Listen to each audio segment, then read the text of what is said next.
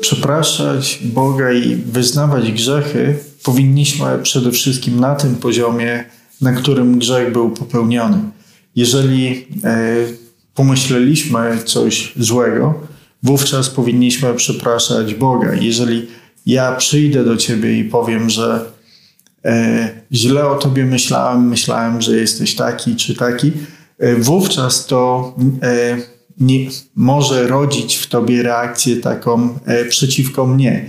I e, nie zawsze jest to pożądane, także powinniśmy przeprosić Boga za to, e, ponieważ pomyśleliśmy, jeżeli Tobie wyrządziłem jakąś szkodę prywatnie, powinienem przyjść do Ciebie i Ciebie przeprosić. Jeżeli e, Tobie wyrządziłem szkodę publicznie, powinienem Ciebie przeprosić publicznie, bo e, przeprosiny powinny być mniej więcej na, na tym poziomie, przynajmniej na którym zostało to popełnione.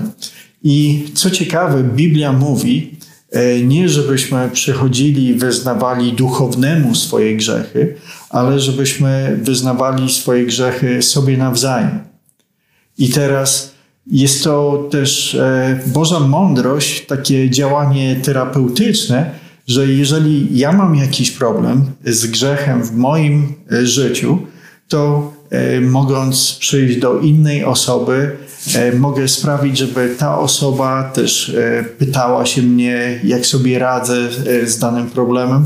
Także jest to też wsparcie i taki psycholog Larry Crabb powiedział, że jeżeli Kościół by wykorzystywał wszystkie dary, jakie mamy, to psychologicznie ludzie by byli bardziej podbudowani i nie wymagaliby E, specjalnie jakiejś terapii, że często to Kościół powinien być w tym, e, tym takim środowiskiem, gdzie różne problemy e, są, czyli ludzie z problemami są zaopiekowani i te problemy też